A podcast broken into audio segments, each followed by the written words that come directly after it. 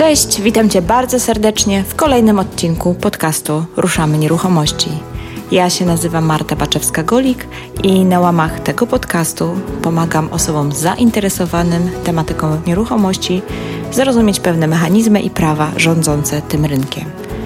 Jeżeli podobnie jak ja uważasz, że najlepiej zdobywać wiedzę od praktyków, a nie od teoretyków, to ten podcast jest dla Ciebie i mniej pewność, że wszystkie przeprowadzone tu wywiady są z ludźmi, którzy wiedzę zdobywali poprzez własne doświadczenie. Łukasz Kruszewski to jest pierwszy pośrednik, którego tak w internecie.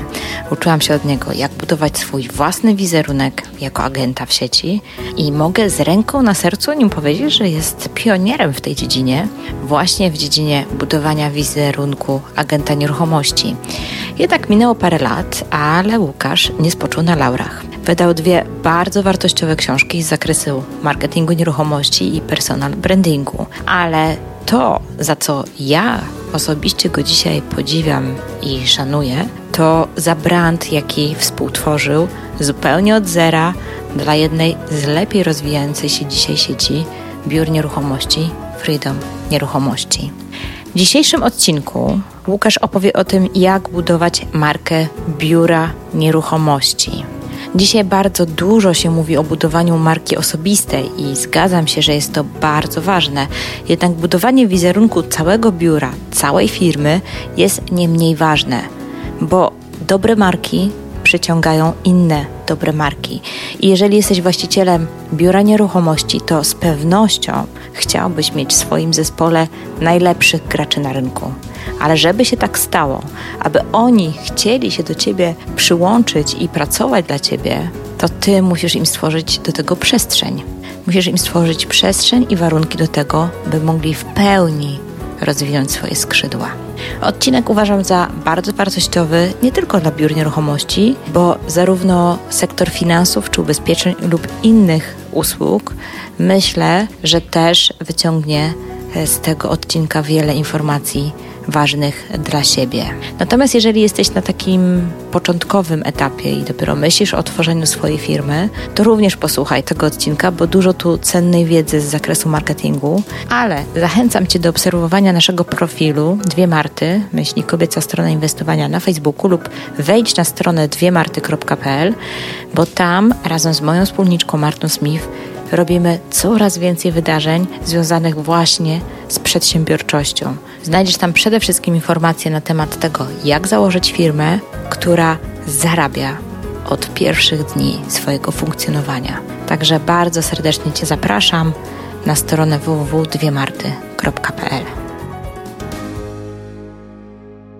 Cześć Łukasz, witam Cię bardzo serdecznie w podcaście Ruszamy Nieruchomości po raz kolejny. Cześć, witaj. Dawno Ciebie nie było, co u Ciebie słychać? A wszystko w porządku, bardzo wszystko w porządku. Mimo małej kontuzji związanej z rączką, poza tym naprawdę wszystko jest w najlepszym porządku idzie ku lepszemu. Słuchaj, słyszałam, że dużo zmian u Ciebie, ale to może w ramach tego, jak się przedstawisz mhm. osobom, które nie miały okazji słuchać naszych odcinków wcześniejszych, bo to już było bardzo dawno temu mhm. i faktycznie być może osoby, które dopiero dotarły do podcastu Ruszamy Nieruchomości, jeszcze nie wiedzą, kim jest Łukasz Kurszewski, więc jakbyś mógł powiedzieć, e, kim jesteś, co robisz, czym się zajmujesz, no i przy okazji opowiedzieć o zmianach, jakie zaszły od tamtego czasu, tak w kilku zdaniach. Byłoby super.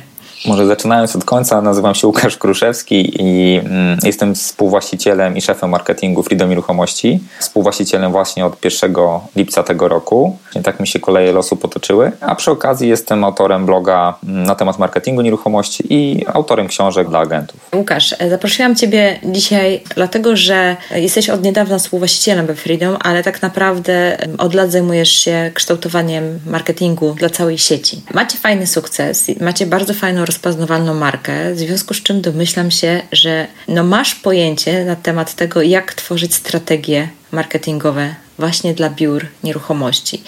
I ponieważ bardzo dużo się dzisiaj mówi o marce osobistej i o marce agenta, która uważam, że jest naprawdę szalenie ważna w, w całym tym procesie budowania wizerunku biura, bo to jednak mimo wszystko ten agent jest na froncie i to ten agent musi mieć, ma kontakt z klientem i on jest zapamiętywany, ale mimo wszystko też mamy też jeszcze biuro, które jest no takim jakby nazwijmy to parasolem dla tych agentów. I teraz pytanie moje jest takie, ponieważ w Polsce jest bardzo dużo w sumie niedużych biur, nie wiem, nie znam statystyk, nie wiem, czy ty znasz jakieś statystyki. Największe portale nieruchomości mają klientów na poziomie 5 tysięcy, także można założyć, że to taka liczba. Ale większość z nich to są zdecydowanie takie małe i średnie biura, mhm. do kilku, kilku, kilkunastu osobowe maksymalnie, tak myślę. Bo w sumie nawet patrząc na, na, na, na sieci, to tych sieci jest dosłownie, nie wiem, kilka takich jak wasza Freedom na rynku polskim, także, także większość tych biur to są po prostu takie małe i średnie firmy.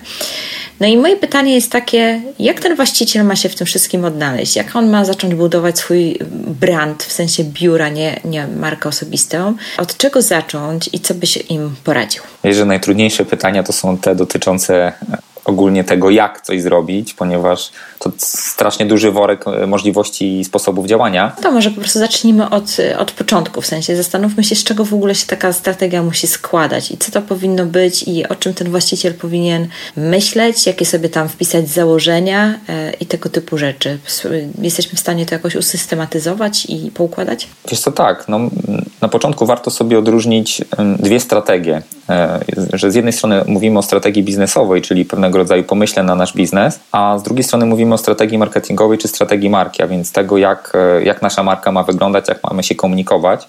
Tak jak ja obserwuję trochę nasz rynek nieruchomości, to widzę, że w związku z pewnego rodzaju takim trendem na budowanie wizerunku i na taki mocno graficzny aspekt, Wiele osób postawiło na e, próbę budowania marki bazującą na wizerunku, a jednak większość biur nieruchomości, które gdzieś tam borykają się z różnego rodzaju konkurencją czy ze swoim pomysłem na biznes, nie do końca być może ma opracowaną taką strategię biznesową, czyli pomysł na to, e, co jest dla mnie kluczowe w moim działaniu, na czym chcę się koncentrować, z czego świadomie rezygnuję, na czym chcę zarabiać pieniądze i kto jest moim klientem w takim dużym uproszczeniu. A jakbyś miał tak, wiesz, w jednym zdaniu powiedzieć, co to w ogóle jest ta strategia? Mhm. Wiesz, bo to jest takie duże słowo i takie bardzo enigmatyczne i tak naprawdę... Ale też takie sexy tak. teraz, nie? Bo teraz wszystko no, jest strategiczne, no, nie? Nawet masz strategiczny podcast, słuchaj, możemy powiedzieć. No, no, oczywiście, że tak, strategiczny, bo bardzo mi się podoba to. to. E, no ale kurczę, co to jest ta strategia? O co w niej chodzi? Co, co, co ja mam tam robić w tej strategii? No, chodzi o to, żebyś w sposób efektywny osiągnął osiągała cele, czy to biznesowe, czy, czy jakieś inne, czy marketingowe, podejmując kluczowe decyzje, mając na uwadze zasoby, którymi dysponujesz albo które musisz zgromadzić. Więc to jest nic innego jak pomysł na to, jak osiągać cele, będąc tym jak najbardziej efektywnym rozwalmy samą kwestię tego pomysłu. Mhm. No bo y, wiesz, wydaje się, że pomysł jest jeden, ale prawda jest taka, że jak zaczynasz tam się zgłębiać, to y, on ma wiele szczegółów. Punkty, rzeczy, które po prostu musi taki pomysł zawierać, żeby faktycznie ta strategia nasza mhm. na końcu dała nam ten oczekiwany efekt. Mhm. Więc spróbujmy to rozwalić, co? Wiesz co, no zazwyczaj jak zaczynamy robić biznes albo mamy pomysł, nie wiem, czy to na biuro nieruchomości, czy na cokolwiek innego, no to właśnie wszystko bierze się z jakiegoś pomysłu, czyli z jakiejś idei. To jest mega ważne, żeby sobie odpowiedzieć na pytanie, co ja chcę robić i ubrać to w pewnego rodzaju jakieś takie zdanie, które ma e, dla mnie znaczenie. Wiem, że też dużo książek było na ten temat, e, nawet Simon Sinek o tym gdzieś tam pisał, że wszystko zaczyna się od idei. Taką ideą może być, że chcę otworzyć butikowy sklep osiedlowy ze zdrową żywnością, prawda? I to jest dla mnie idea już po mojego pomysłu na, e, na, na, na biznes, tak? Butikowy butikowy sklep osiedlowy ze zdrową żywnością. To już dla mnie mówi, co chcę zrobić, na czym będę zarabiał, na czym chcę się koncentrować. Ideą może być to, że chcę otworzyć, nie wiem, najbardziej prestiżową klinikę, na przykład stomatologiczną w Polsce, albo najpopularniejszy y, polski podcast, na przykład o nieruchomościach, albo blog na temat marketingu nieruchomości, nie? Albo na przykład chcę budować najbardziej utytułowaną drużynę e, piłkarską na świecie czy w Europie, więc jakby wszystko zaczyna się od idei, od jakiegoś pomysłu. Albo chcę otworzyć najskuteczniejszą sieć sprzedaży nieruchomości, na przykład Freedom, prawda?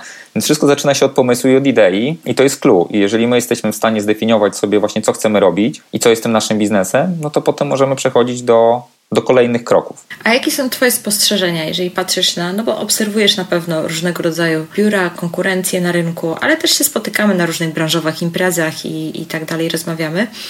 To jak Ci się wydaje, czego właśnie brakuje na tym polskim rynku pośrednictwa? No bo nie oszukujmy się, mm, pośrednictwo jest postrzegane bardzo nie chcę powiedzieć, że źle, ale często słabo przez, przez naszych odbiorców i to z czegoś wynika.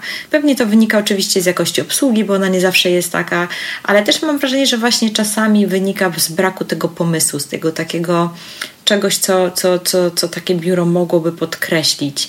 Jakie są Twoje obserwacje w tym temacie? Wiesz co, no, wizerunek pośrednika na pewno wymaga poprawy, ale to chyba czego najbardziej brakuje, co zostało w pewien sposób w ogóle nieuwzględnione w działaniu pośrednika, to to, że to jest biznes. I teraz my trochę wyrośliśmy na tym, że my sprzedajemy nieruchomości albo pomagamy klientom kupić bądź sprzedać nieruchomość, prawda? I agent nieruchomości musi zgromadzić wiedzę i kompetencje na temat, nie wiem, aspektów prawnych, związanych z komunikacją, samym procesem sprzedaży, ale jak ktoś prowadzi biuro, to on tak naprawdę przywdziewa trochę inne szaty i on musi już prowadzić biznes. I sam wiem, jak e, jest trudno to robić, kiedy jest się samemu albo kiedy brakuje kompetencji, tak? Bo ja prowadziłem, ja przez pierwsze dwa lata byłem agentem, potem e, prowadziłem biuro przez kolejne trzy lata. Jeżeli jestem w tym sam i brakuje mi kompetencji związanych na przykład z zarządzaniem biznesem, z rekrutacją ludzi, z budowaniem jakichś chociażby prostych planów finansowych, a w międzyczasie muszę realizować transakcje, no to po prostu bardzo łatwo się potykać. Wydaje mi się, że to jest takim głównym e, problemem, że jak wchodzimy w rynek nieruchomości, to musimy pamiętać i chcemy budować biuro, to nasze kompetencje obok sprzedaży muszą być związane z zarządzaniem biznesem. I to jest to chyba, czy większość pośredników jest ogromną trudnością, bo wiem, z czym sam się jakby borykałem i z czym, jak teraz budujemy sieci, pomagamy naszym partnerom, to wiem, że jeżeli jesteśmy w stanie na przykład właśnie stworzyć takie zaplecze, że nie wiem, partnerzy mogą się skoncentrować na, na pośrednictwie albo tylko na części biznesu, a my możemy inną część na przykład zagospodarować, jak chociażby marketing, to to po prostu o wiele łatwiej pracuje kluczowe jest chyba zrozumienie, że po prostu ja jestem w biznesie, a nie tylko zajmuję się pośrednictwem. Wiesz, ja myślę, że na to cierpi nie tylko nasza branża, tylko w ogóle różnego rodzaju usługi, większe i mniejsze, osoby, które biorą się za tak naprawdę samozatrudnienie mhm. i potem myślą, że jak otworzą biznes, nie wiem, fryzjerka, mam na myśli kosmetyczka i tak dalej, i tak dalej, to, że nadal będzie tak fajnie, a się okazuje, że właśnie jest, jednak tych obowiązków troszkę dochodzi i już nie jestem tylko fryzjerką, tylko kosmetyczką, czy tylko pośrednikiem nieruchomości. Tych kompetencji trzeba mieć znacznie więcej, ale trochę w sumie odbiegamy w tym momencie od tematu, ale zgadzam się Jest to niekoniecznie, powiem Tobie, niekoniecznie, bo e, tak naprawdę kto ma pracować nad strategią, jeśli nie właściciel, a właściciel musi mieć na to czas, prawda? A strategia to też pewnego rodzaju myślenie o tym, o moim biznesie, nie działanie i nie bycie ciągle w biznesie operacyjnym, tylko po prostu myślenie o nim. A kiedy tak, jestem tak. i muszę działać, no to nie mam czasu. I też nie tylko i wyłącznie w kontekście y, samego pośrednictwa, czyli usługi, mhm. czyli jak ja będę pozyskiwać te mieszkania i tak dalej, tylko w ogóle właśnie tak globalnie spojrzeć na tą firmę i myślę, że tego faktycznie brakuje, takiego spojrzenia na wszystko, na wszystkie jej czynniki a nie tylko na ten wycinek, który wcześniej, bo bardzo dużo osób po prostu odchodzi z jakichś większych biur i w pewnym momencie otwiera swoje biuro, ale ciągle będąc zatrudnionym w jakimś tam biurze miało kompetencje tylko i wyłącznie osoby, która miała pozyskiwać umowy, przynosić klientów i ich obsługiwać, tak? Wiesz co, ja pamiętam doskonale, jak, jak sam też zaczynałem, jak pracowałem po dwóch latach na rynku i byłem w stanie sam obsługiwać transakcje i realizować trochę tych transakcji miesięcznie, no to w pewnym momencie pomyślałem, myślę tak jak większość osób, zdroworozsądkowo, kurczę, no to po co mam dzielić się prowizją z właścicielem, otworzę własne biuro, nie? No i tak zrobiłem, tylko zapomniałem, że po prostu trzeba zgromadzić dodatkowy bagaż właśnie kompetencji związanych może to się szumnie bądź nieszumnie nazywa z zarządzaniem biznesem, ale głównie chodzi o to, żeby wiedzieć na co zwracać uwagę i czego pilnować. Nie? To trochę tak jak Michał Szafrański e, mówi o budżecie domowym, prawda? Oczywiście można zarabiać i wydawać pieniądze, ale jeżeli się nie ma wiedzy związanej z edukacją finansową, no to po prostu bardzo łatwo przepuszczać na lewo i prawo wszystko. Nie? I myślę, że to jest też taka bolączka, że nawet nas, niestety, ale na kursach nie uczy się e, rzeczy związanych z prowadzeniem biznesu w nieruchomościach, tylko z pośrednictwem czystym. Nie? Tak naprawdę, jak, jak chcesz się nauczyć biznesu, no to nie możesz iść na szkolenie branżowe z nieruchomości, tylko musisz iść do szkoły, która uczy biznesu. Dokładnie, albo, no nie wiem, szukać jakiegoś mentora, partnera, prawda, kogoś, kto pomoże ci po prostu w tym, nie? Wiesz, ja to w pewnym momencie odkryłam, bo faktycznie bardzo dużo e, swego czasu się szkoliłam i okazuje się, że najwięcej rzeczy wyniosłam ze szkoleń, które zupełnie teoretycznie nie były związane z tym, co robię. Jeżeli chodzi właśnie o marketing, jeżeli chodzi o, o takie biznesowe podejście, patrzenie tak troszeczkę z innej perspektywy na biznes. No, oczywiście te kompetencje mm, nieruchomościowe są bardzo ważne, no bo y, musimy na jakimś poziomie świadczyć te usługi, więc jest ważne, żeby się w tym kierunku rozwijać. Natomiast no troszkę jak się prowadzi jest właścicielem biura, no to trzeba też troszkę uzupełniać wiedzę z innego zakresu, właśnie chociażby marketingową, więc A tego nie uczą się. Ja pamiętam, robiłam studia podyplomowe z obrotu nieruchomościami. Mieliśmy przedmiot związany z marketingiem, no ale mówmy się, był tak marny, kiepski. Poza tym to już było tyle lat temu, że to już jest dawno nieaktualne. No właśnie, jakby solą pośrednictwa jest e, praca z klientem i praca na rynku. Ale ktoś chce budować biznes, robić biuro nieruchomości, mówiąc w takim kolokwialnym języku, no to musi wiedzieć po prostu, jak tym zarządzać, tak? Jak, jak sobie po prostu poradzić z planami finansowymi, jak to wszystko układać z rekrutacją, z zespołem, jak zadbać o to takie całe zaplecze, nie? To skupmy się teraz na tym zapleczu marketingowym. Jak o nie zadbać? Czyli tak, wszystko zaczyna się od pewnego pomysłu. Wezmę, wezmę sobie ten przykład e, tego butikowego sklepu osiedlowego ze zdrową żywnością. Nie wiem, jakoś teraz wpadł mi do głowy, a chyba fajnie to brzmi. Jeżeli mam jakiś pomysł na biznes, to też muszę sobie sprawdzić albo, nie wiem, zrobić jakieś takie, mm, w pewien sposób zrozumieć rzeczywistość, nie? Czyli na przykład sobie zdefiniować i, i pogodzić się z tym albo założyć, że ok, teraz jest moda na zdrową żywność, to jest pierwsze, nie wiem, założenie. Drugie założenie, że ludzie są w stanie płacić więcej za zdrową żywność, więc ja na przykład mogę mieć większą marżę i na tym zarabiać. Trzecie założenie może być, że nie wiem, e, ludzie teraz nie chcą kupować tego typu produktów w dużych sklepach, tylko właśnie wolą, nie wiem, bardziej spersonalizowaną obsługę i jeszcze właściciela, który żyje pasją i tak naprawdę może ciekawostki na temat tego powiedzieć. No i na przykład, że ten trend się utrzyma w jakiejś tam perspektywie, albo że spokojnie jeszcze mogę tego typu produkty sprzedawać w internecie, nie?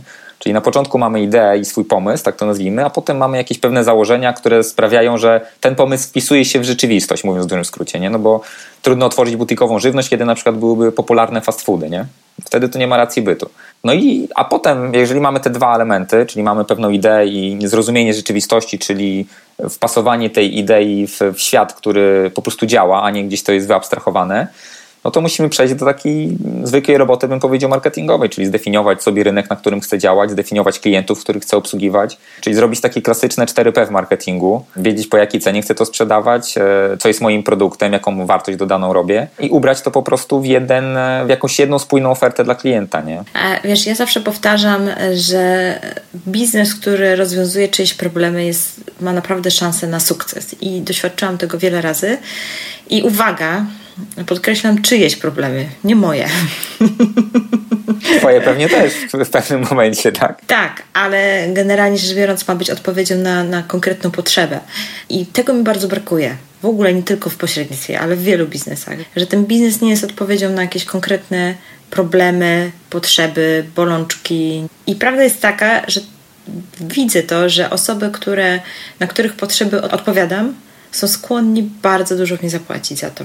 Podczas gdy inni, którzy takiej potrzeby nie mają, tak naprawdę będą robić wszystko, żeby mnie ominąć. No i z drugiej strony, jeżeli też prowadzisz działalność, czy, czy robisz biznes, czy to biuro nieruchomości, czy na tym sklepie butikowym ze zdrową żywnością i faktycznie klienci to doceniają, to też w jakiś sposób łatwo przewagę konkurencyjną z tobie zdobyć, tak? Bo też tak naprawdę w naszej branży na tym o to głównie chodzi, tak? Żeby tak, tak to wszystko poskładać, żeby mieć jakąś realną przewagę konkurencyjną. Nie wiem, czy to będzie przewaga naturalna, czy, czy jakaś, nie wiem, bariera wejścia, czy cokolwiek innego, ale musi być to przewaga jakaś konkurencyjna wobec innych biur, tak? Że nie wiem, ja mam inny system sprzedaży, albo nie wiem, pracuję na rekomendacjach, prawda? Albo mam kapitał, który pozwala mi reklamować się bardzo szeroko na rynku, na przykład lokalnym, nie? Więc zawsze jest coś, co, czy, czy, czy przewagą konkurencyjną może być na przykład marka i sposób komunikacji mój, który jest, nie wiem, unikalny, nietypowy, albo to, że obsługuję tylko dany segment klientów, nie? Na przykład jestem biurem nieruchomości tylko dla kobiet, na przykład, tak? albo nie wiem, tylko dla osób z zagranicy. Nie? I to są takie elementy, które bardzo łatwo wyróżnić na rynku. No a niestety większość, e, większość po prostu idzie trochę takim standardowym systemem. Nie? Biuro nieruchomości, będę pozyskiwał wszystkie, wszystkie oferty, e, zatrudnię jakąś osobę, no i będę starał się działać na wszystkich frontach. W dłuższej perspektywie to się nie sprawdza. Jednak jakieś, jakieś wyspecjalizowanie jest bardzo ważne. To nie oznacza, że inne rzeczy się nie przykleją po drodze, że tak powiem, i nie wydarzą, ale faktycznie fajnie jest jakoś się konkretnie komunikować i sprawić, że faktycznie ten klient, e, który w momencie, kiedy ma dany problem, pomyślał właśnie o tobie. Mhm. Taka mi idea przyświecała, jak podcast zaczęłam nagrywać, że już mi się nie chce wykonywać zimnych telefonów, nie chcę już, że tak powiem, robić tej takiej, nazwijmy to, czarnej roboty, że ja bym chciała, żeby to w końcu klienci dzwonili do mnie. No i jednym z pomysłem na to, żeby to osiągnąć, było właśnie palenie podcastu i zaczęcie go nagrywać. I faktycznie to zadziałało, tak? Gdzieś, gdzie ja po prostu komunikowałam, kim jestem, co robię, gdzieś tam ludzie um, zaczynali się powoli odzywać.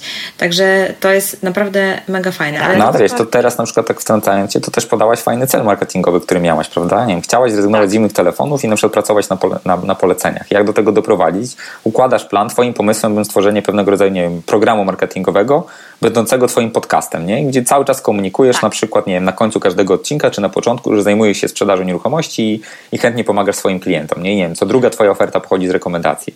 I pomalutku wysyłając taki mhm. klimat, mm-hmm. taki, przepraszam, komunikat do klientów, no wbijasz się do świadomości, aż w pewnym momencie otrzymujesz po dwóch, trzech, dziesięciu latach to, na czym ci zależy, nie? Dokładnie tak. I, i to się właśnie tak działo z, z, tymi, z, tym, z tym podcastem i z, z klientami. Taki był mój cel.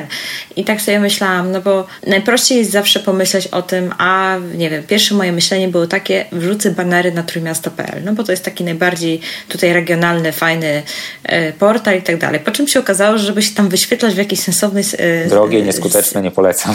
E, drogie, nie, że drogie, to mało tego, że drogie czy nieskuteczne, nie wiem, bo nie przetestowałam przetestowałam w końcu, ale kolejka, żeby się załapać na ten baner, trwała prawie, prawie rok. Bo tyle firm tam w kolejce chciało te banery wyświetlać na tym portalu trójmiasto.pl, że ja myślę, że ja mam rok czasu czekać, żeby się zareklamować, no bez sensu zupełnie. No, no właśnie, porozmawiajmy o tych sposobach e, reklamy już takiej, wiesz, no bo marketing się stricte kojarzy z, z reklamą. Co takie biuro może właśnie robić, żeby faktycznie się zacząć promować i wyróżniać na rynku? Swoim lokalnym oczywiście muszę sprostować, że jak się kojarzy z reklamą, wolałbym, żeby się kojarzył z marką, tak? Bo reklama to trochę jest... Może reklamą to nie, promocją mi się wydaje. To... No, to, to gdzieś tam też jest w miarę tam zbieżne. Tak, szerzej. No, do marketingu przechodzimy, jak już sobie zamkniemy tą naszą strategię, prawda? Czyli kiedy wiemy, jaki, jaki pomysł mamy na swój biznes, wiemy, na czym, chcemy się, na czym chcemy się koncentrować, jakie są jakby kluczowe decyzje, w jakich kluczowych obszarach działamy, zbierzemy to wszystko w jakiś model biznesowy i wtedy możemy planować działania marketingowe. Jeżeli nie wiem, chcemy budować naszą rozpoznawalność albo budować, e, nie wiem, wizerunek biura nieruchomości, które pracuje na rekomendacjach, no to znowu musimy sobie zadać pytanie, to co sprawi, że klienci będą nas postrzegać jako biuro pracujące na rekomendacjach, nie? Jakby co sprawi, że klienci będą nas w ten sposób postrzegać? Czy to będzie reklama w prasie, czy to będzie, jak będziemy po prostu o tym mówić głośno w radiu, czy jak zobaczą banery, czy może po prostu, nie wiem, jak e, będą szukać w internecie polecane biuro nieruchomości albo sprawdzone biuro nieruchomości, zrobią takie połączenie w swojej głowie skuteczne biuro nieruchomości albo biuro, które pracuje na rekomendacjach z tym, że ja na przykład będę też prowadził podcast albo wideobloga na temat, nie wiem, moich technik sprzedaży nieruchomości, nie? Albo będę pokazywał klientów, którym pomogłem sprzedać nieruchomość i którzy na przykład przyszli do mnie z polecenia, nie?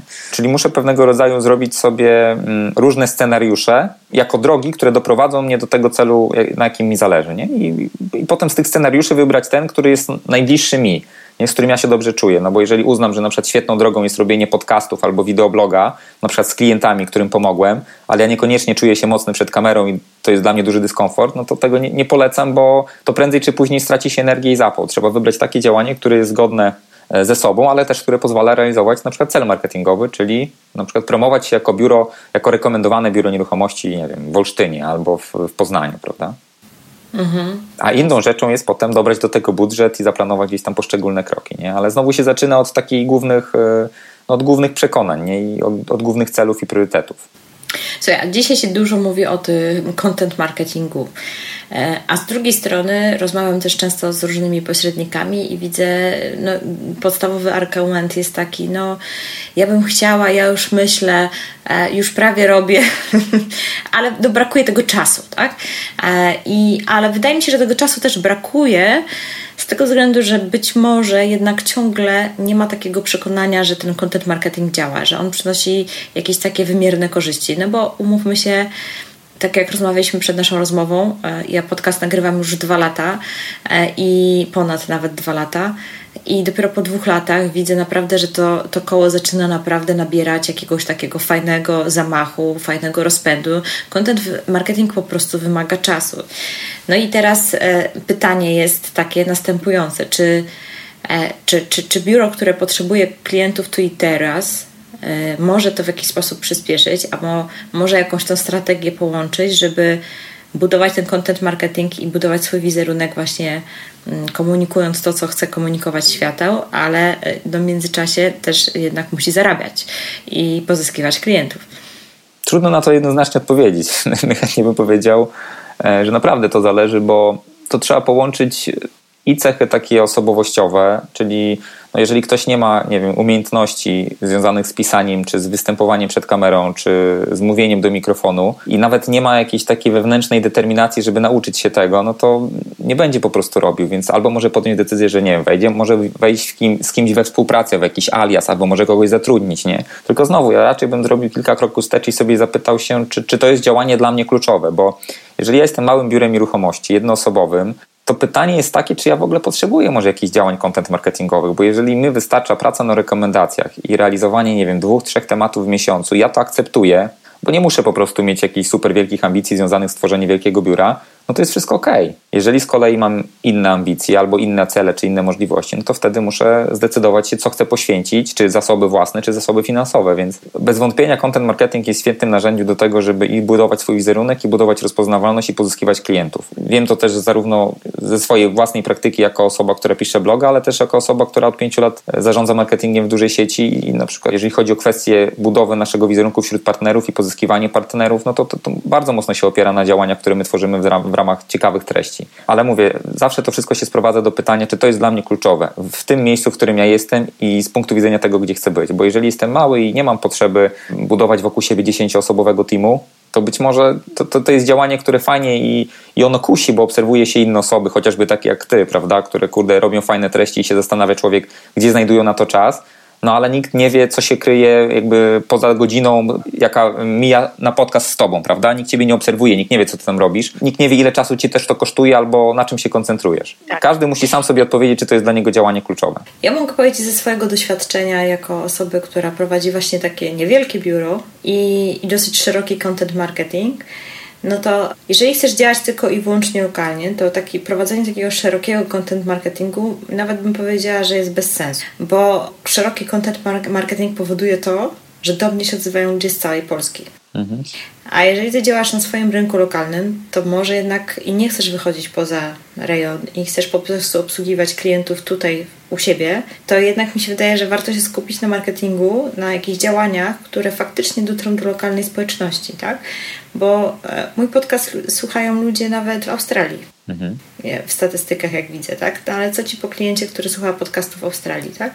Więc jeżeli nie masz dodatkowych produktów czy jakiegoś innego pomysłu na biznes, bo ja sobie tam gdzieś znalazłam w międzyczasie te dodatkowe rzeczy, które mi mm, się zwracają, to że faktycznie Polacy gdzieś tam poza granicami Polski mnie słuchają, no to tak na dobrą sprawę pytanie, czy jest sens to robić i, i faktycznie tracić czas, bo to zajmuje bardzo dużo czasu. No i też konkretnie kosztuje, no bo e, albo po prostu faktycznie poświęcisz mnóstwo czasu na to, żeby się obra- nauczyć obróbki dźwięku i wstawiania wszystkiego, montowania i tak dalej, i tak dalej, albo komuś, komuś musisz za to zapłacić po prostu. Więc faktycznie wydaje mi się, że przy takich małych, lokalnych biurach to warto by było się skupić na jakichś działaniach, które są pożyteczne dla lokalnej społeczności. Mhm.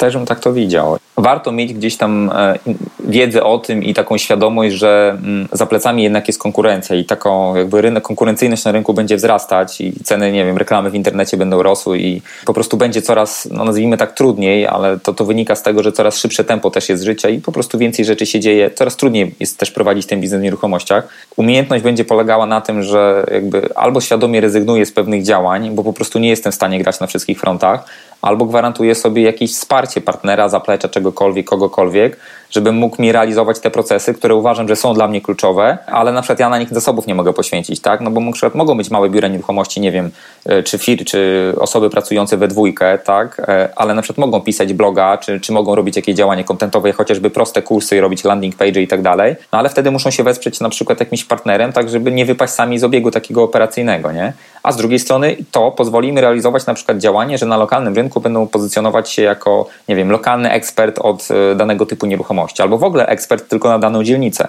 Jeżeli jest duża i, i przynosi fajne efekty, no to przecież też tylko na tym można, nie? Myślę, że dużą umiejętnością jest dzisiaj mówienie nie możliwościom, bo możliwości jest bez liku, a jednak nie mamy naturalnej tendencji, żeby mówić nie, tylko na wszystko chcemy mówić tak, tak, tak, tak, tak, a potem brakuje czasu. Tak, to prawda. I następuje tak zwane rozproszenie, co jest naprawdę zabójstwem dla biznesu, no bo, bo za dużo rzeczy się naraz robi. Także się zgadzam. Ale też tutaj bym wróciła teraz do tego pomysłu, do tego idei, bo jeszcze taka mi myśl przyszła w trakcie, jak mówiłeś, w kontekście tego też, co ja wcześniej powiedziałam, że w momencie, gdy masz na przykład ideę i pomysł na swoje biuro, że chcesz obsługiwać, nie wiem, Polaków za granicą, którzy kupują tutaj nieruchomości, jest ich coraz więcej, którzy gdzieś tam lokują swoje pieniądze jednak w Polsce, no to wtedy na przykład faktycznie takie działanie konkretnie content marketingowe, typu właśnie na przykład taki podcast skierowany, który nawet będziesz reklamować w kierunku tamtych ludzi, którzy tam mieszkają, może mieć fajny sens, tak? Ale faktycznie trzeba wrócić do tej idei, do tego pomysłu, w czym ty chcesz być e, wyspecjalizowany.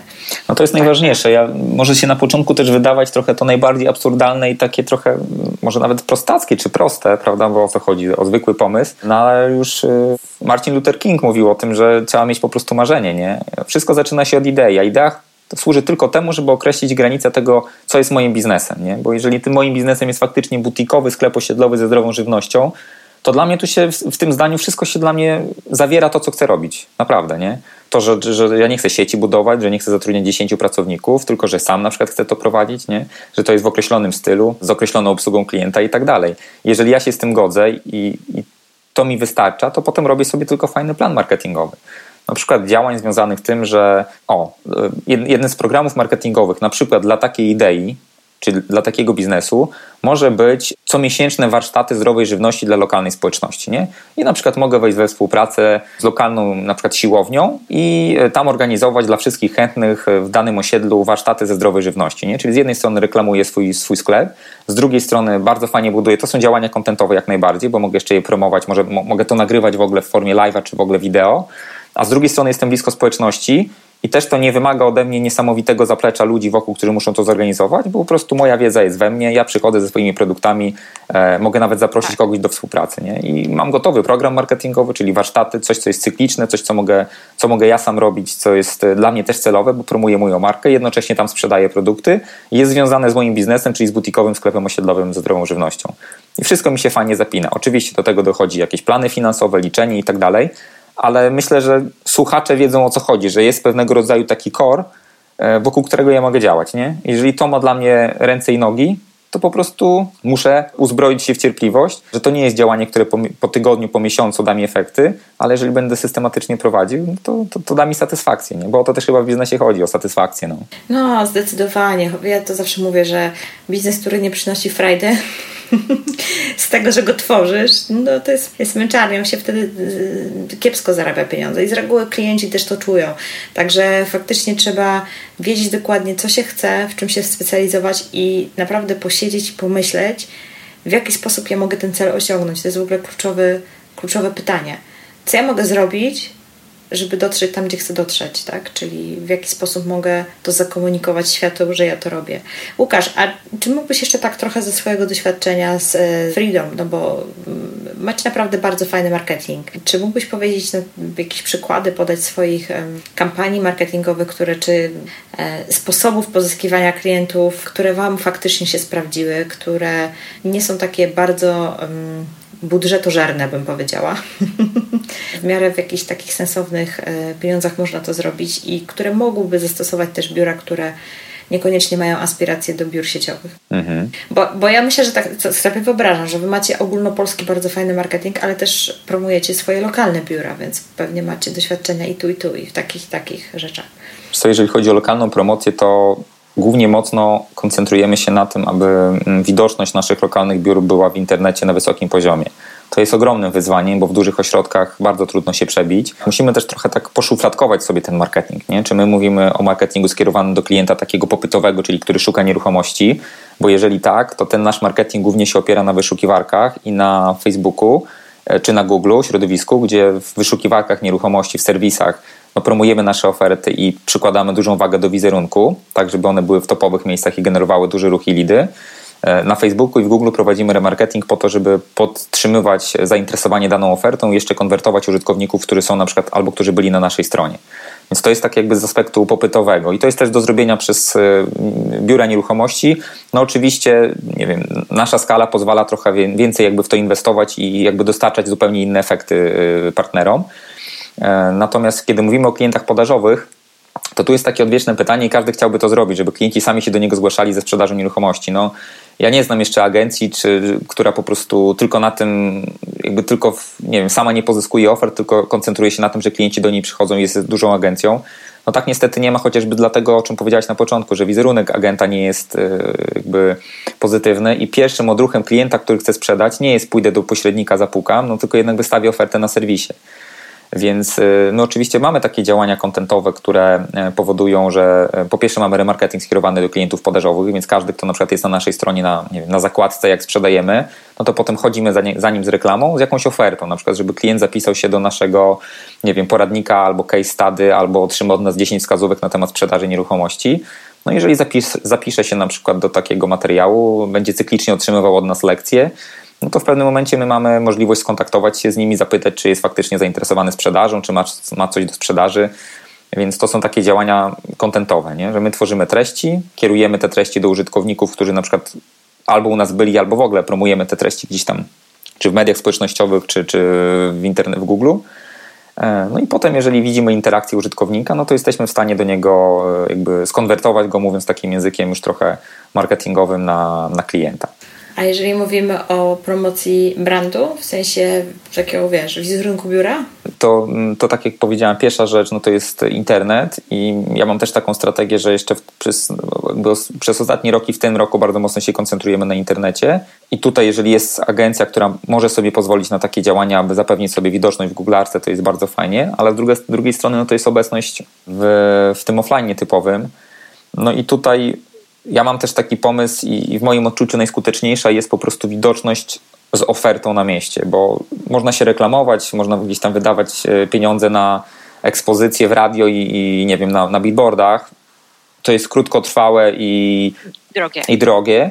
Natomiast y, największą naszą bronią i największym, y, nie wiem, sztandarem chwały, tak to sobie nazwę, są nasze oferty, nie? czyli to, co jest naszym owocem pracy. Więc jeżeli jesteśmy w stanie pokazywać na mieście nasze oferty, e, no to to dowód, że nasz, naszej skuteczności. Więc e, no na przykład w Olsztynie, tak jak tutaj jesteśmy, no to duży, duży nacisk kładziemy, żeby mm, reklama banerowa naszych nieruchomości była obecna. Dzięki temu e, no, Freedom się przewija, nie?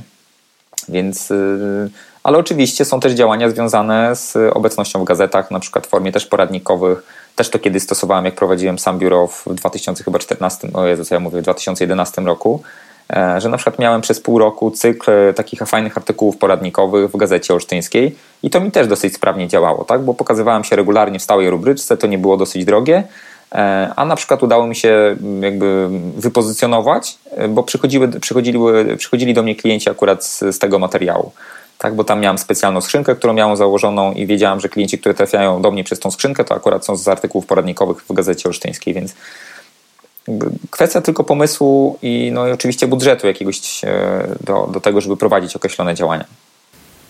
No, zdecydowanie. Zdecydowanie tak. Ja kiedyś miałam taki pomysł, ale nawet coś zaczęłam w tym kierunku robić, ale później nie kontynuowałam, żeby w jakiś sposób wejść we współpracę ze spółdzielniami. W sensie, że tam robić jakieś e, prelekcje czy coś w tym stylu, coś, co da jakąś wartość dla tych ludzi w spółdzielniach, gdzie można było później im zaproponować jakieś, nie wiem, jakąś fajną ofertę też, e, jeżeli ktoś ma na sprzedaż i tak dalej, i tak dalej. Właśnie po to, żeby być bliżej takiej faktycznie lokalnej e, społeczności i to jest o tyle fajne, że jeżeli ktoś się specjalizuje już w ogóle w dzielnicach w dużych miastach, no to faktycznie jest to, wiesz, takie bezpośrednie dotarcie do do ludzi z tej konkretnej dzielnicy, nie? Tylko to trzeba mieć faktycznie jakąś sensowną ofertę do zaproponowania dla, e, dla takiej spółdzielni i dla mieszkańców, nie? żeby tam w ogóle ktoś zechciał się tym zainteresować. Mhm. Wiesz co, też tak powiedziałeś, że też miałaś ten pomysł i on jest fajny. Ja nawet zrobiłam takie jedno spotkanie, e, tylko jeszcze wtedy miałam dosyć małe doświadczenie, no jak w ogóle podejść do kontentu takiego spotkania, w sensie przeprowadzenia go i tak dalej, ale przyszło kilka osób. Coś tam z tego wyszło, także tylko nie pociągnęłam tematu, ale, ale myślę, że jakby się tak w tym faktycznie wyspecjalizować i, i dać jakieś, organizować jakieś takie konkretne porady związane właśnie z nieruchomościami, nie wiem, jak wyczyścić, e, jak założyć księgę bo spółdzielnia. No, by trzeba było się tak naprawdę zastanowić znowu, jaka jest potrzeba tych ludzi w tej spółdzielni, tak? Czyli jakie oni mają problemy z czym się mierzą, tak? Jeżeli na przykład często to są mieszkania jakieś spadkowe, jakieś tam zadłużone, jakieś coś tam, no jeżeli by zorganizować im jakiś cykl porad, e, takich, wiesz, można było nawet we współpracy ze spółdzielnią dowiedzieć się dokładnie, z czym mieszkańcy się mierzą, tak? Bo oni przecież mają te informacje. Więc e, no, to na to by trzeba było mieć konkretny pomysł i myślę, że to mogłoby fajnie się sprawdzić. Ale wiesz, ja myślę, że zdecydowanie też to, co powiedziałaś, że z jednej strony pomysł, e, z drugiej strony też to, co ja mówię, nie uważam, że jest w jakiś sposób odkrywcze czy cokolwiek. Cały problem polega na tym, to, to o czym też powiedziałaś, że tego nie kontynuowałaś. I ja myślę, że wiele osób tak. ma mnóstwo pomysłów, tylko kwestia, że tego nie kontynuuje. Pytanie dlaczego? Być może dlatego, że nie do końca te pomysły grają z tym pomysłem na biznes prawda? Bo to, że ja mogę robić prelekcje w, w spółdzielniach, to, że mogę robić prelekcje na uniwersytecie albo organizować wideokasty czy cokolwiek, to jest możliwości jest bez liku, nie? Mogę też autem jeździć po mieście i po prostu informować o nowych ofertach. Bez żadnego problemu. Czy, nie wiem, w autobusie robić prezentacje na temat szybkich porad, prawda? Chodzi bardziej o to, że to musi wynikać, nie tylko być jakby spójne ze mną, Czyli ja muszę po prostu czuć do tego naturalną energię, ale też musi wynikać z mojego pomysłu na mój biznes. I wtedy pojawia się naturalna taka chęć e, czy dyscyplina związana z tym, że ja to kontynuuję, nie? No dokładnie. Więc na przykład spotkania w spółdzielniach mi nie wyszły, a podcast mi wyszedł, nie? E, I, ale to wynika z tego, że faktycznie gdzieś tam sobie pozmieniałam w głowie strategię. E, w ogóle uważam, że bardzo szalenie ważnym aspektem jest biznesu, taka spójność w ogóle z, wiesz, z tym, co chcę robić w życiu i osiągać. Nie? Z jednej strony, co chcę osiągnąć w biznesie, ale to też musi się przekładać na Twoje życiowe cele. Bo też zauważyłam, że, że jak to się nie przekłada na Twoje życiowe cele, to potem po prostu brakuje motywacji. Tak, i się rozjeżdżasz, nie? Więc y, mhm. no to musi być, po pierwsze, musi to wszystko grać ze sobą, zarówno ze mną jako z człowiekiem, jak i z biznesem, który chcę robić. Zobacz, że E, lekko prywatę zrobi, ale ja bloga prowadzę od 2013 roku i też już wiele miałem pomysłów i wiele osób mnie pytało, czy, czy nie zacząć kręcić podcastów, czy nie zacząć vlogować. E, pewnie mógłbym, w sensie myślę, że jakoś super tam trudności z tym bym nie miał, natomiast e, lepiej się czuję w pisaniu. Nie? Wiem, że straciłbym naturalną motywację po jakimś czasie, żeby wymyślać. Lepiej, lepiej po prostu czuję się w pisaniu, a niekoniecznie na przykład przed ekranem. Nie? I to jest też taka świadoma, myślę, umie... czy... no chciałbym, żeby to była świadoma umiejętność i odpowiedzialność, żeby wiedzieć, z czego zrezygnować. Nie? Że okej, okay, to jest łakomy kąsek, bo wiem na przykład, że dzięki wideo bym miał większe zasięgi, ale właśnie pytanie po co, nie? Mhm, czy to jest mi akurat dokładnie. potrzebne? I jak wiele z nas odpowie sobie na takie, tak samo świetnie być w, świetnie być w radio, nie? albo w, na reklamie billboardowej, nie? tylko po co? Czy mi to się wewnętrznie spina i oczywiście czy moja kasa się spina? Bo mogę zupełnie inne działania realizować i też być szczęśliwy. Mogę po prostu, wystarczy raz na dwa tygodnie ulotki roz, roznosić po blokach osiedlowych, no czy cokolwiek innego, nie? Tak. Ja mam takie doświadczenie jeszcze z mojego pierwszego biznesu. Tworzyłam z koleżanką kawiarnię i oczywiście pierwszą reklamę, jaką zrobiłyśmy, to właśnie w radiu. Do dziś pamiętam tą reklamę, to była przed świętami, więc w ogóle coś w reklamie mówili o Mikołajach, wiesz, bo oni te spoty sami wymyślają, nie? Coś tam, gdzie ja do Mikołaja, do Puerto. Jakaś taka głupia totalnie ta reklama była. Ja, ja po prostu ją kojarzę, mm, ale faktycznie ona o tyle zadziałała, że, że bo tam dawałyśmy jakieś kupony, e, gdzie ludzie mogli przyjść na więc ci ludzie do nas wracali z tymi kuponami, więc trochę tych ludzi przyszło. Tylko prawda jest taka, że podstawowy błąd, jaki zrobiłyśmy, no, oprócz tego, że oczywiście wydałyśmy za dużo pieniędzy na to, e, to to, że ta stacja radiowa w ogóle nie miała naszych klientów. Oni przyszli, skorzystali z tego bezpłatnego bonu, potem nigdy już więcej się nie pojawili. więc, e, więc to też nie o to chodzi, żeby nałapać kogokolwiek, bo to często byli ludzie, którzy specjalnie przyjechali skądś tam i w ogóle ta kawiarnia była nie po drodze i, i w ogóle bez sensu.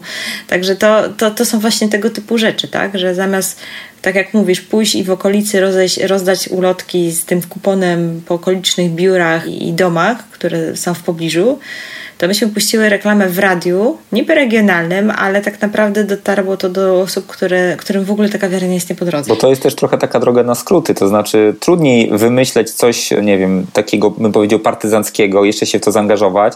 O wiele łatwiej przychodzi wydać mentalnie, wydać kasę na radio, chociaż to jest oczywiście droższe, nie? Ale tak, okej, okay, no to wydam, rek- zrobię reklamę w, ra- w radio. Ale wiesz, to też jest, działa to, to radio, radio no tak, nie? No. że to jest reklama w radio. Nie? Ale zupełnie jest to nieskuteczne, dlatego znowu no, pytanie, gdzie są twoi klienci jak do nich dotrzeć? To znowu wracamy do tej strategii. Jeżeli na początku sobie to odpowiemy i na przykład zaakceptujemy, nie wiem, że jesteśmy, jestem biurem nieruchomości, które koncentruje się tylko na klientach sprzedażowych, tak, podażowych, e, to oczywiście trafiają do mnie klienci, którzy chcą ze mną kupić coś, ale to wtedy ja mogę podjąć decyzję, czy chcę ich obsługiwać i na przykład, nie wiem, kosztem e, podaży, bardzo skrótowo mówię, czy jednak wolę na przykład e, podzielić się z kimś tym klientem, przekazać go do innego biura, nie? I to są takie odwieczne dylematy, nie? Umiejętność trzymania się przy kluczowych decyzjach, jak chociażby w tym, że pracuję na wyłączności albo i, i przy określonej prowizji, no jest dla mnie clue, bo pokus, żeby zrezygnować, szczególnie w sytuacjach tak. kryzysowych, jest bez liku, nie? Coś nie idzie i po prostu no to zmieńmy model, bo, bo nie idzie, nie? No nie, no właśnie mhm. wtedy, kiedy nie idzie, to może trzeba jak najbardziej trwać przy tym modelu, a e, korektę wprowadzić. Powiem Ci, Łukasz, że ja mam, e, zresztą myślę, że Ty możesz mieć podobnie, bo, bo prowadzisz też bloga, ale ja prowadzę wywiady z ludźmi. Moi goście są naprawdę super. Robią rzeczy, które mi imponują, no bo nie zawsze wszystkie strategie są moje i za każdym razem, jak taką rozmowę odbywam, to sobie myślę, wow, czad, może ja powinnam też, nie? I to są te pokusy takie właśnie, o które doskonale to wiem, o czym ty mówisz, bo ja jestem non-stop narażona na coś takiego. I nawet żeśmy rozmawiali przed nagraniem a propos współpracy ewentualnie jakiejś e, związanej z biurem. Ja po prostu sobie odpowiedziałam na pytanie, co ja chcę, czego nie chcę i się tego trzymam. Ale powiem ci, że nagrywałam niedawno wywiad z dziewczyną z Poznania, która się wyspecjalizowała w obsłudze inwestorów, a ponieważ no, ja mam dosyć mocny kontakt z inwestorami, więc sobie tak pomyślałam, kurczę, może ja jednak powinnam to moje biuro rozwinąć i w tym się wyspecjalizować, nie? I pomimo, że niby wiem dokładnie, co nie jest moją mocną stroną, z czym się będę męczyć, to po prostu gdzieś tam ciągle te pokusy przychodzą, tylko faktycznie trzeba mieć bardzo jasno, najlepiej sobie w ogóle wypisać e, tą strategię i to, to co to jest swój cel.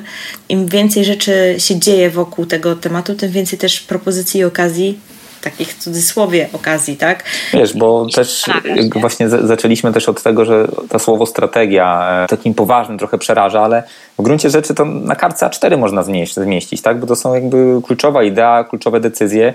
No, umiejętnością największą jest e, żelazna dyscyplina trwania w tych swoich postanowieniach. To myślę, że jest mega kluczowe bycia niezłomnym, ale naprawdę niezłomnym, a nie tak jak e, deklaratywnie głoszą, e, głosi największa głowa w państwie e, prawie, więc, więc o to tutaj chodzi, nie? bo możliwości jest bez liku. Każdą książkę, co nie przeczytasz, ja to powinienem robić. Z kim się nie spotkam, z kim nie pogadam, ja to powinienem robić, prawda? Dzisiaj jest rynek flipów, inwestowania, ja może to powinienem robić, nie?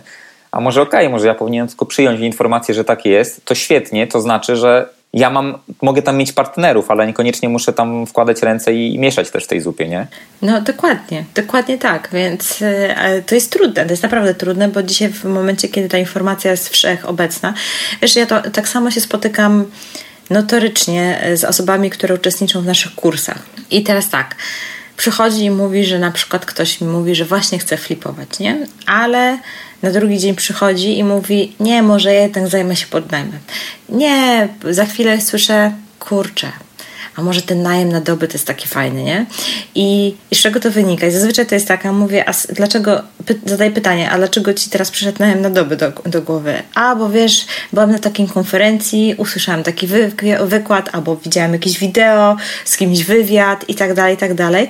Bo faktycznie te osoby, które się specjalizują w tych danych swoich niszach, robią świetne rzeczy i jak posłuchasz... E... No wiesz, one inspirują też, nie ma co ukrywać, tak, prawda? Tak, inspirują. Więc jak posłuchasz nawet tych moich odcinków, odcinków podcastów e, wcześniejszych, no to tak samo tam jest takie może inspiracji, że, że można, że tak powiem, naprawdę oszaleć z nadmiaru. Tylko pytanie właśnie, co jest moje, tak? Co jest moje, co ja chcę robić i co mnie doprowadzi do moich celów. Jakie są moje mocne strony i jakie moje są kompetencje, z czym ja się będę dobrze czuć i tak dalej, i tak dalej. Naprawdę to są takie kluczowe pytania. Ja wiem, że na wszystkich, e, że tak powiem, motywacyjnych szkoleniach czy tam jakichś coachingowych sesjach się takie pytania zadaje, ale naprawdę je się zadaje nie bez powodu. Tak, przeszliśmy trochę na ten aspekt ludzki, ale ja myślę, że to jest jak najbardziej związane, tak? No bo biznes to ludzie po prostu. Biznes robią, robią ludzie, tak. a nie jeszcze, nie wiem, mam nadzieję, że jeszcze nie roboty. To jest dokładnie to, o czym powiedziałaś, nie? Umiejętność wyboru jest dzisiaj kluczowa i podejmowania decyzji, bo możliwości jest bez liku, wszystko kusi a szczególnie kusz, kuszą rzeczy, które są inspiracją, pokazują, że my w tej materii mamy naprawdę zerową wiedzę, bo tylko widzimy wierzchołek góry lodowej, czyli czyjeś sukcesy, a nie widzimy po prostu drogi, którą pokonał, tak? Czyli dzisiaj widzimy twój tak. sukces w postaci, nie wiem, ilości odsłuchań danego odcinka, ale nie widzimy, że to jest 60, 80 odcinek po dwóch latach i jeszcze nie wiem, spalonych kilkunastu odcinkach i, i tak dalej, prawda? Tego nie widać, o tym nikt nie mówi, nie? Tak. Tak. To myśmy kiedyś nagrali na odcinek i się nie nagrał, nie? się karta skończy. Tak, nomen omen. Tak mi się przypomniało. I życie i trzeba jechać dalej, prawda? Jeszcze chyba specjalnie do mnie przyjechałeś, prawda? Tak. Widzisz, co to jest poświęcenie, nie? Nie, śmiejemy się. Dobra, Łukasz, spróbujmy to jakoś podsumować, żeby mhm. faktycznie zostawić tego naszego słuchacza z jakąś taką konkretną informacją, z jakimiś konkretnymi krokami, które musiałby podjąć w kontekście faktycznie mm, jakichś konkretnych działań w swoim biurze. Od czego zacząć? Wiemy, że już od pomysłu, mhm. jak to sobie później poukładać e, w jaki sposób dotrzeć do tych naszych odbiorców docelowych, na co sens, jest sens wydawać pieniądze, na co nie. O. Jest sens wydawać pieniądze na to, co przynosi pieniądze. To jest najprostsza odpowiedź. O, brawo. To jest, myślę, takie też istotne. Co do strategii, powtórzę to w, w, może mniej bądź bardziej trafnej formie, że to jest jakby pewnego rodzaju proces czy umiejętność wyznaczania celów i jakiejś efektywnej drogi do tych celów, osiągania tych celów. E, no i czym innym jest strategia biznesowa, czym innym jest strategia marki, o której tutaj nie, nie, jakby nie rozmawialiśmy, bo może też nie było jakby i, i potrzeby i za bardzo czasu. E, a strategia biznesowa, czy, czy strategia e, wiem, mojej firmy, przedsiębiorczości zaczyna się od tego pomysłu. Tak? Wrócę do tego butikowego jak to było sklepu osiedlowego ze zdrową żywnością, bo to, gdzieś tam jest taki fajny, namacalny przykład, nie? Czy do tej, nie wiem, no, galaktyczna drużyna, nie wiem, czy najbardziej tytułowana drużyna piłkarska w, w, w, w Europie, prawda? Jeżeli mam taką ambicję, o, to jest moja ambicja, prawda? Jeżeli mam taką ambicję i mam taki pomysł, no to teraz mogę sobie się zastanowić, co dalej, nie? Czy rzeczywistość, którą mam dzisiaj, współgra z moim pomysłem. Czyli jeżeli chcę otworzyć butikowy sklep ze zdrową żywnością, to czy dzisiaj jest rynek na zdrową żywność? To jest pierwsza rzecz, nie? Czy dzisiaj jest rynek na butikowe sklepy? Czy klienci to docenią? Czy będą w stanie zapłacić więcej dzięki temu ja zyskam większą marżę, nie? I jak sobie odpowiem na te pytania, no to potem przychodzę do pomysłu, gdzie chcę działać, czyli w jakim miejscu, czy, czy działam, nie wiem, w lokalnym, no w całym, dajmy na to mieście, czy tylko w danej dzielnicy, e, czy chcę się specjalizować w określonych produktach, kto chce, kto, kto chce, żeby był moim klientem, czy to są, nie wiem, tylko kobiety, czy też po prostu to jest bez różnicy, a raczej chodzi o klientów na przykład bardziej prestiżowych, którzy są w stanie wydawać średnio, nie wiem, zostawiać u mnie 150-200 zł tygodniowo czy miesięcznie. E, no i potem muszę bardzo mocno się zastanowić, co jest moim produktem, nie? Bo połączenie tego wszystkiego i wrzucenie tego w taki e, w model biznesowy Tutaj o tym nie powiedzieliśmy, ale ja gorąco polecam taki model biznesowy zaproponowany przez e, Osterwolda. To też możemy podlinkować i tam wymienia się dziewięć takich e, wiem, bloków czy, czy kategorii, na które też trzeba sobie znaleźć odpowiedź na pytanie. Chociażby na przykład jak relacje buduję z klientem, prawda? Czy nie wiem, czy to są relacje zautomatyzowane i nie wiem, prowadzę sklepik e, tylko internetowo, czy jednak bardziej na przykład bezpośrednie, bazujące na takim mm, dedykowanej, indywidualnej obsłudze. Te wszystkie odpowiedzi na, na kluczowe pytania wrzucam do takiego modelu biznesowego, szukam swojej przewagi konkurencyjnej i działam. Nie? I najważniejsze jest też to, że takiej strategii nie stworzę dzisiaj na kartce papieru jednej finalnej, tylko to jest proces, który się dzieje. Tak? My biuro nieruchomości prowadzimy 8 lat i w ciągu tych 8 lat wiele rzeczy się działo, wiele podejmowaliśmy decyzji, takie, które wykraczały poza to, co robimy, też takie, które wzmacniały, no ale wierzę głęboko w to, że też umiejętnością było jednak trwało, wytrwanie w tych wyborach nie? i nie zapominanie tego, że strategia nigdy nie jest procesem skończonym. Ja jestem w stanie to sobie napisać na kartce, odpowiedzieć na te kluczowe pytania, ale nad tym ciągle muszę myśleć i trochę nawiązując do pytania Twojego na początku, dlaczego agentom czy pośrednikom nieruchomości tak różnie idzie w tym biznesie, no to może iść dlatego, że trzeba zrozumieć, że się jest w biznesie, że jak prowadzę biuro nieruchomości, to nie zajmuję się pracą operacyjną związaną ze sprzedażą i z pośrednictwem, tylko gro moich zadań, nawet nie wiem czy większość zdecydowana, to jest zarządzanie biznesem, to jest myślenie o tym, jak ja chcę budować biuro nieruchomości, na czym chcę zarabiać, e, czy mi to się po prostu spina finansowo, nie? I to jest clue. Clue to też umiejętność trwania w tych, w tych kluczowych dla siebie wyborach, nie? I może na końcu to też powinno się pojawić gdzieś tak e, we wstępnej fazie, no to cel i priorytety. Im jest, e, jakby nie jestem w stanie robić wszystkiego, o czym też trochę mówiliśmy na końcu, nie? Nie mogę sprzedawać nieruchomości, robić flipów, zajmować się inwestowaniem, sprzedawać działek z linią brzegową, nie jestem w stanie tak, zajmować się 8 hektarowymi terenami pod inwestycje. To, to, to nie jest. Muszę się na coś zdecydować. Muszę wybrać sobie cel, chociażby taki, że nie wiem, chcę być najskuteczniejszym biurem nieruchomości, albo najczęściej rekomendowanym, albo biurem nieruchomości, które kojarzy się, nie wiem, z najsympatyczniejszą obsługą, nie? albo biurem nieruchomości, które e, jest dedykowane, albo nie wiem, tylko obsługuje dany segment rynku albo klientów.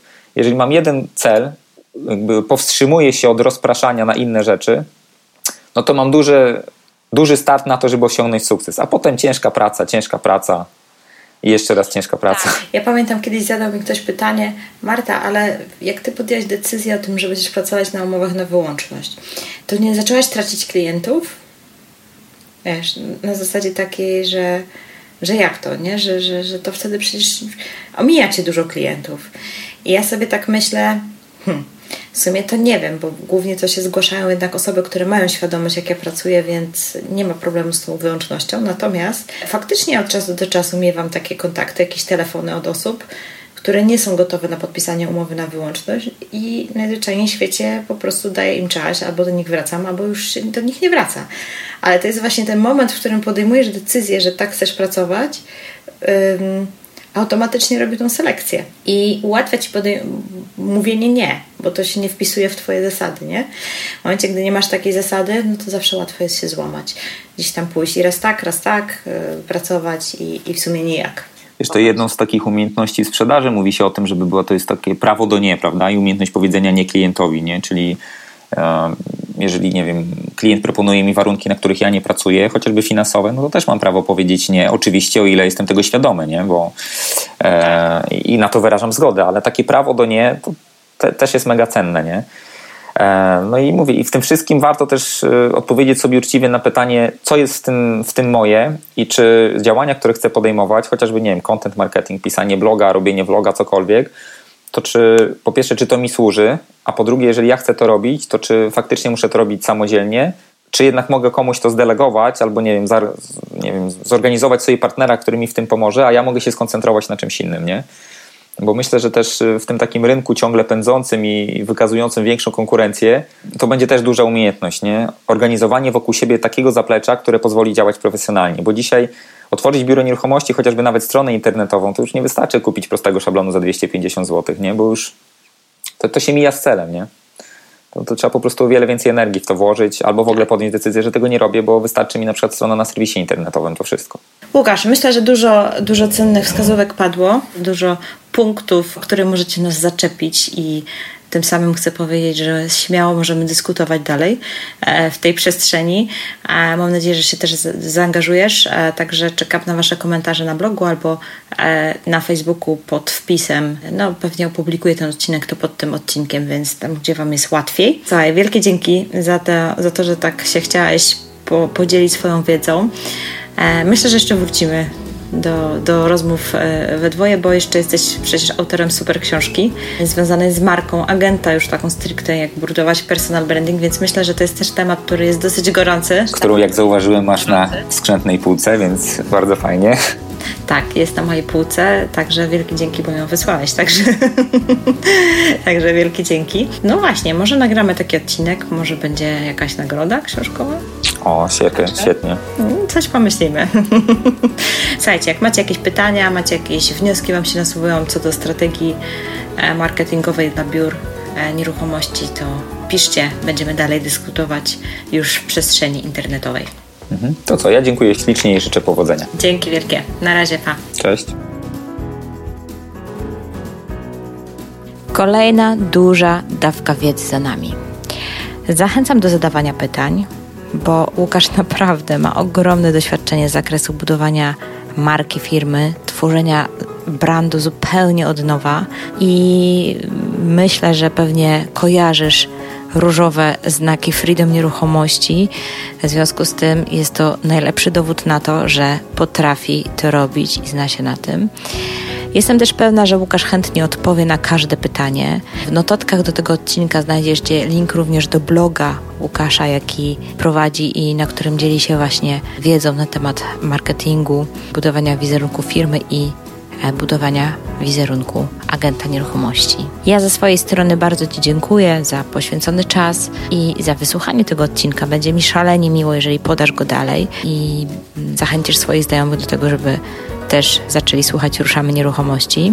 Jeżeli interesujesz się właśnie tematyką przedsiębiorczości i tym, jak rozwinąć własną firmę, by zarabiała od pierwszych dni, no to koniecznie, ale to koniecznie obserwuj nas na Facebooku, dwie Marty, myślnik kobieca strona inwestowania, tak się nazywa profil, lub na stronie dwiemarty.pl.